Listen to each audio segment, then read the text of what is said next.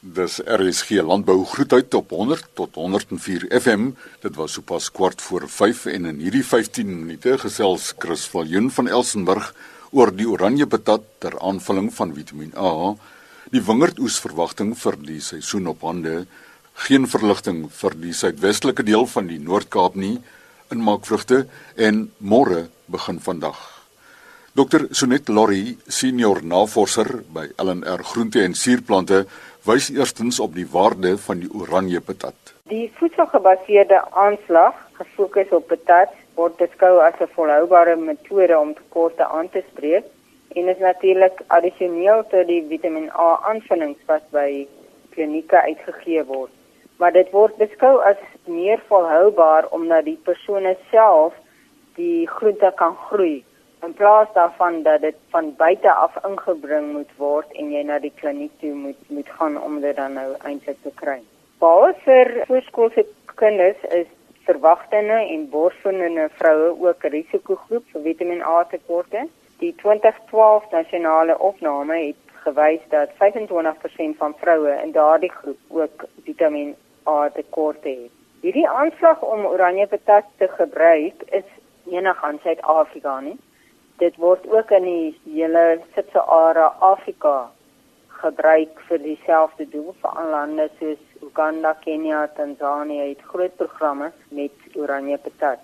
Spesifiek die cultivar Bopelo van die LNR is geselekteer vir 'n lekker soet en medium droë smaak en dit word gemaklik voorberei deur dit net uh, in die skil te kook en net so voor te sit dit is dan nou natuurlike produk wat jy glad nie hoe suiker of seermiddels by te sit nie. So ranke is beskikbaar hier van ons in Pretoria en daar's ook 'n aantal kleinskaalse rankwekers versprei in Limpopo, Mpumalanga, KwaZulu-Natal, Noordwes en Oos-Kaap waar uh, mense ranke in die hande kan kry. Natuurlik hoef jy net 'n klein aantal ranke te koop en dan kan jy dit vermeerder vir redelike groot aanplantings in tuine. Daar is ook 'n redelike aantal klein boere wat dit op klein kommersiële skaal verbou. So die afgelope 2-3 jaar was daar elke jaar tussen 30 en 50 hektaar op pelo wat verbou is en met baie sukses op die informele mark bemark is kommersiële boere kan ook so maak. Daar's byvoorbeeld ook die Amerikaanse oranje cultivar Veregas wat vir die varsmark vir bevriesing en ook vir uitvoer geproduseer en bemark word. Luisteraars is welkom om vir my 'n e e-pos te stuur of op die LNR se webadres te kyk www.arc.agric.za daar's inligting oor die rankwekerslys en ook oor die cultivars of hulle kan my direk 'n e-pos stuur is laurie@irc.agric.za Senior navorser by LNR Groente en Suurplante op Rodeplaat, Dr. Sonet Laurie. Wat is die verwagting vir die 2018 wingerdoes? Ons verneem by François Viljoen, konsultasiebestuurder van Winpro. Die eerste wynryf amptelike oeskatting word uh, gewoonlik aan die einde van November gedoen. Dit is gewoonlik wanneer die meeste wingerde klaar geblom geset het en so net so vir elke korrel stadium is. En vir jare het dit weer eens so gedoen. En uh hierdie skatting dan nou vir jaar gewys dat ons 'n betekenisvolle kleiner oes verwag in die Suid-Afrikaanse wynbedryf vir die 2018 oes. Daar is drie groot redes hoekom die kleiner oes geskat word in die stadium. In Suid-Afrika het ons 'n totale wingerdstand wat gekrimp het die afgelope 10 jaar beteken dat ons meer wingerde uitkap as wat ons aanplan die laaste 10 jaar. En die kleiner hektare oor die laaste 5 jaar was net so onder die 5000 hektare wat ons gekrimp het. Sal dan nou aanleiding gee tot 'n kleiner wynrysoes in die langtermyn ook. Die tweede grootste rede wat aangevoer word is natuurlik die voortsleepende droogte wat ons in die Wes-Kaap ondervind. Dit is nou al die derde jaar wat ons ernstige droogte, droë toestand en ook watertekorte ondervind. En hierdie impakteer al redelik op ons wingerde natuurlik ook um, op die stadium is ons nog redelik goed, maar ons weet dat ons ook watertekorte gaan ondervind vir die res van die seisoen indien daar nie opvolger reëns gaan val nie. En die derde rede was ook aan die einde van September en begin Oktober, het ons redelik wyd verspreide rypskade ondervind. Dit het in die Oranje rivier omgewing en sekere streke was daar redelike rypskade in die tweede agtervolgende jaar ook in die Rosewil en Brede Kloofstreek, maar dit het ook vir jare uitgebrei na Woesterstreke as ook tot in sover in Robertson. Wil net sê dat in die stadium lyk ons wingerde eintlik redelik goed in die Weskaap as gevolg van gereelde reënbuie wat ons ondervind het in Oktober en November. Ons het ook geen ernstige swampsiektes gehad of insekteplaae nie, maar uh, soos wat ons ook weet, lê die soos in die moontlikheid nog voor as gevolg van die lae damvlakke en ook water wat op die stadium tekort is om die wingerd optimaal te besproei. Winbro konsultasiebestuurder François Viljonet met ons gesels vanaf Robertson. Die suidwestelike gedeelte van die Noord-Kaap is steeds in 'n droogte wurggreep. Willem Simington, boer op die plaas Leeukraal in die Holliston distrik. Hy is ook Agri Noord-Kaap se aksiekomitee lid vir droogtes sedert ons laas gesels het, is daar nog geen verligting gekom hier vir die suidwestelike gedeelte van die Noord-Kaap nie. Uh omstandighede is werklik waar baie kritiek. Boere het reeds soveel vee verminder dat hulle net hulle kernkuddes het en probeer dan om maar die nog steeds onderhou met gekoopte voer wat hulle kontantvloei onder baie ernstige druk plaas. Ek kan nie nalat om te sê dat uh, die hele land se harte en hande oop is vir boere wat hierdie ernstige nood ondervind nie. Voorskenkings word van oral af ontvang en dit word geskenk deur privaat persone en instansies wat 'n uh, ongelooflike effek het nie net op ons diere nie en op die welstand van die mense nie, maar ook die morele krag en ondersteuning wat hulle daaruit kry.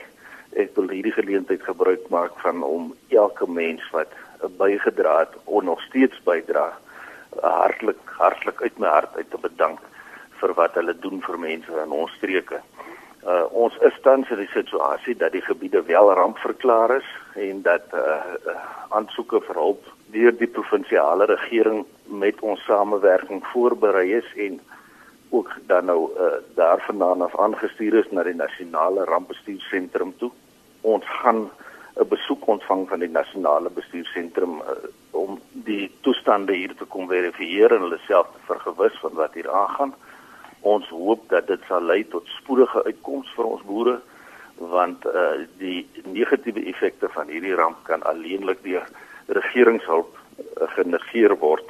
Ons hoop dat daar sal spoedig hulp kom van die regering se kant af want nie net lei die boere onder hierdie rampdroogte nie maar ook die hele gemeenskappe. Die enigste inkomste in hierdie gebiede is uit veeboerdery uit.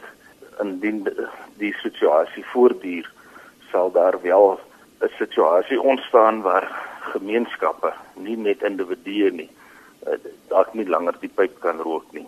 Ons eh, weet dat hierdie tyd van die somer vir die grootste gedeelte van hierdie rampgebied die eindelike reentyd is, maar ons beste kanse volgens statistiek is maar vir reën is van Februarie tot April.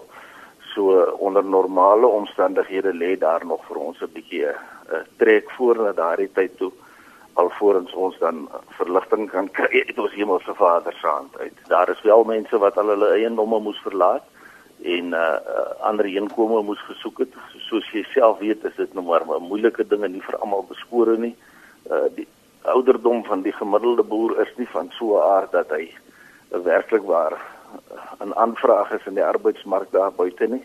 Op die oomblik is die druk ook baie ernstig op die uh, plaasarbeiders ons is in ons liewe Vader se hand. Hy het nog altyd vir ons uitkoms gegee en hy sal weer vir ons uitkoms gee. Dit is bloot nodig om ons mense op die plase te hou sodat hulle wanneer dit weer reën, hulle weer hulle kuddes kan opbou en kan 'n positiewe bydrae lewer tot die land se ekonomie en voedselsekerheid. Dit het altyd nog weer gereën, dit sal weer reën. Agri Noord-Kaap se aksiekomitee lid vir droogtes, Willem Simington. Die inmaak vrugteprentjie word nou geskets deur Wian Victor hoofuitvoerende beampte van die inmaakvrugte produsente vereniging. Op produksievlak het ons die 2017 Kujawel oes ingesamel. Uh, die genade van bo het ons 'n uh, groter oes ingesamel as wat ons geskat het. Tot ons verbasing het ons uh, meer as 27000 ton Kujawels geoes. Hierdie stadium is ons 80% klaar met ons appelkoosoes, veral die klein Karoo vanaf die Montetjie area af tot onder in Oudtshoorn is geweldig droog En dit lyk op hierdie stadium of ons maar net selfs 'n 30000 ton appelkose gaan oes. Ons verwag die eerste typet perskes wat gelewer word vir die fabrieke so oor 2 weke, terwyl die eerste vroeë typet perskes al reeds op die mark is vir vars verbruik. En natuurlik dan sal 2018 in aanvang neem. Ons verwag in daardie geval ook 'n kleiner oes van omtrent so 8 na 10% ook weens as gevolg van die droogte en ons sal ook in Januarie maand begin met ons Bonkrischen pere waar ons op hierdie stadium ook 'n 5 tot 'n 6% kleiner oes verwag. Op hierdie stadium is die marktoestande vir ingemaakte vrugte veral stram in Europa wat ons 'n groot gedeelte van ons oes verkoop tussen 40 en 50%. Ons het beter toestande in die ooste, spesifiek die Verre Ooste en die Midde-Ooste wat dan ook nou as 'n mark ontwikkel vir ons. Ten opsigte van pulp en puree wat natuurlik nou vir die sapmark gebruik word, is ons in 'n uiters swak situasie. Ons het wêreld ooraanbod van uh, puree en dit bring uh, mee dat die pryse vir ons produkte op die mark geweldig laag is.